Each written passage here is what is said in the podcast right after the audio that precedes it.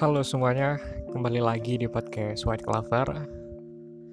Um, kali ini saya mau berbagi tentang tulisan saya terkait dengan perjuangan gitu.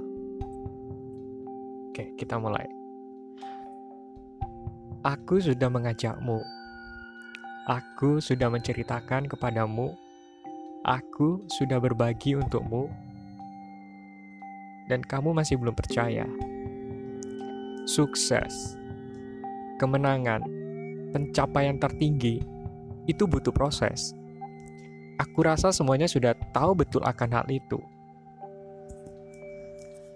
Asinnya keringat dalam berjuang baru akan terganti manis jika kamu mau dan bersungguh-sungguh.